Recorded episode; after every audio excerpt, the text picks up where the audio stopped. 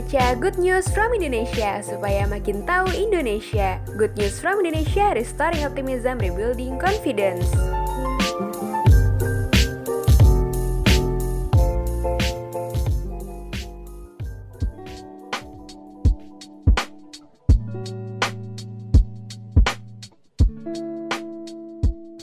Warteg atau warung Tegal dapat dengan mudah ditemui di Indonesia.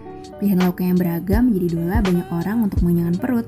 Namun, bagaimana ya kalau warteg ada di Jepang? Ternyata di negeri Sakura sudah ada loh tempat makan berkonsep warteg asli Indonesia. Warteg bernama Monggomoro ini cocok bagi warga negara Indonesia yang bermukim di Jepang. Warteg ini cocok banget untuk melepas rindu menyantap hidangan khas Nusantara. Tak perlu khawatir akan rasa, kebersihan. Semua sudah dijamin, apalagi untuk yang beragam muslim, warteg ini sudah terjamin halal loh. Menu yang ditawarkan pun berganti setiap harinya agar pelanggan tak merasa bosan.